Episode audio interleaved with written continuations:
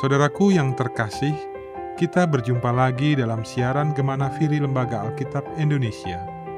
Kita akan merenungkan bersama firman Tuhan yang diambil dari kisah para rasul pasal yang pertama ayat 1 sampai 13. Demikian firman Tuhan.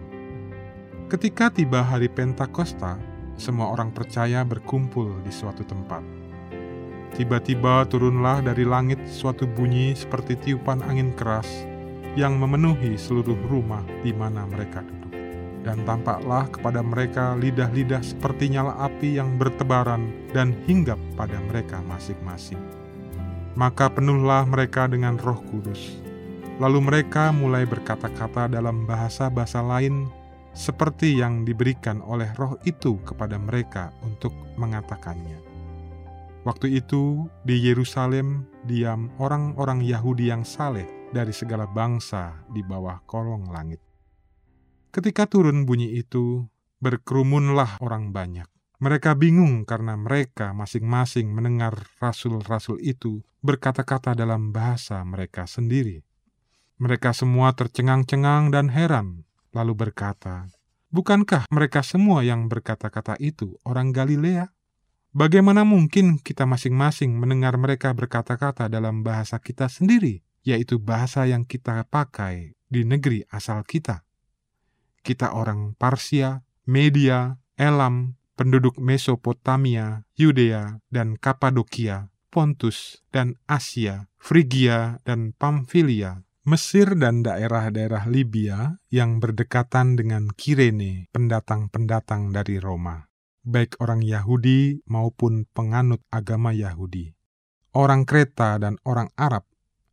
Kita mendengar mereka berkata-kata dalam bahasa kita sendiri tentang perbuatan-perbuatan besar yang dilakukan Allah.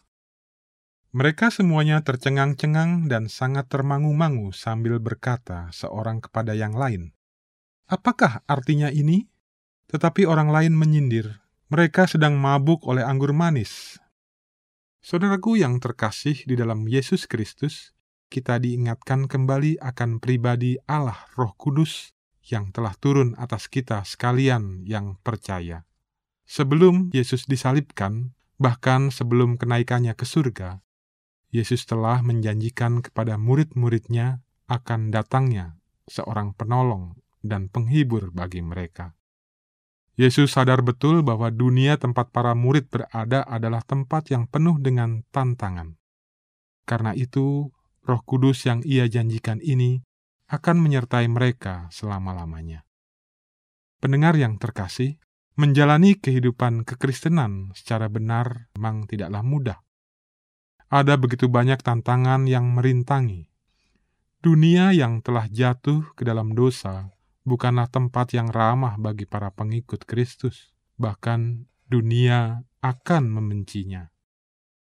Itulah yang terjadi dalam kehidupan para murid. Yesus yang melihat jauh ke depan tahu bahwa perjuangan mereka dalam memberitakan Injil bukanlah perkara mudah. Mereka akan dikejar-kejar oleh orang banyak, ditangkap, dipenjara, disesah, bahkan dibunuh.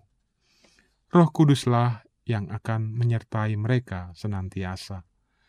Memberikan kekuatan, memberikan kuasa, memberikan penghiburan, sehingga sekalipun dalam bahaya, sekalipun nyawa mereka terancam, mereka akan tetap berdiri teguh di atas iman percaya kepada Kristus. Peristiwa Pentakosta menjadi satu momentum perubahan bagi mereka. Yang tadinya takut dan bersembunyi, sekarang mereka dengan berani berdiri di depan banyak orang untuk menyatakan iman mereka. Roh Kudus memenuhi para rasul dengan ditandai lidah-lidah seperti nyala api yang hinggap di atas mereka. Mereka dapat berkata-kata dalam berbagai bahasa manusia, dan ini membuat begitu banyak kaum diaspora yang tengah berkumpul di Yerusalem menjadi sangat terkejut.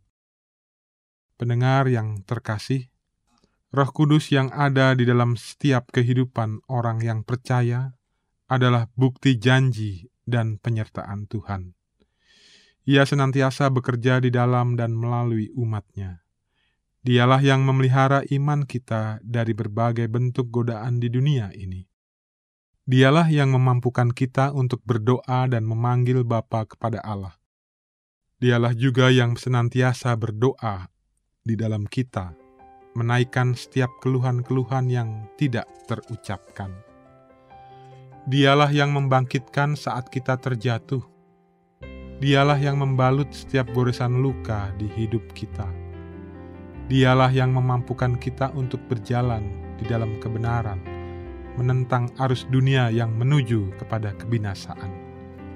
Dialah yang memampukan kita menjadi saksi dan terang Kristus di tengah kegelapan dunia. Dia jugalah yang menginsafkan kita dari dosa. Bahwa ia tidak akan membiarkan kita sendiri berada di tengah-tengah dunia yang sama sekali tidak mengenal penciptanya. Roh Kudus akan menjaga iman percaya kita sampai kesudahan zaman, sampai kita bertemu muka dengan muka dengan. Tuhan Yesus beserta kita semua. Amin.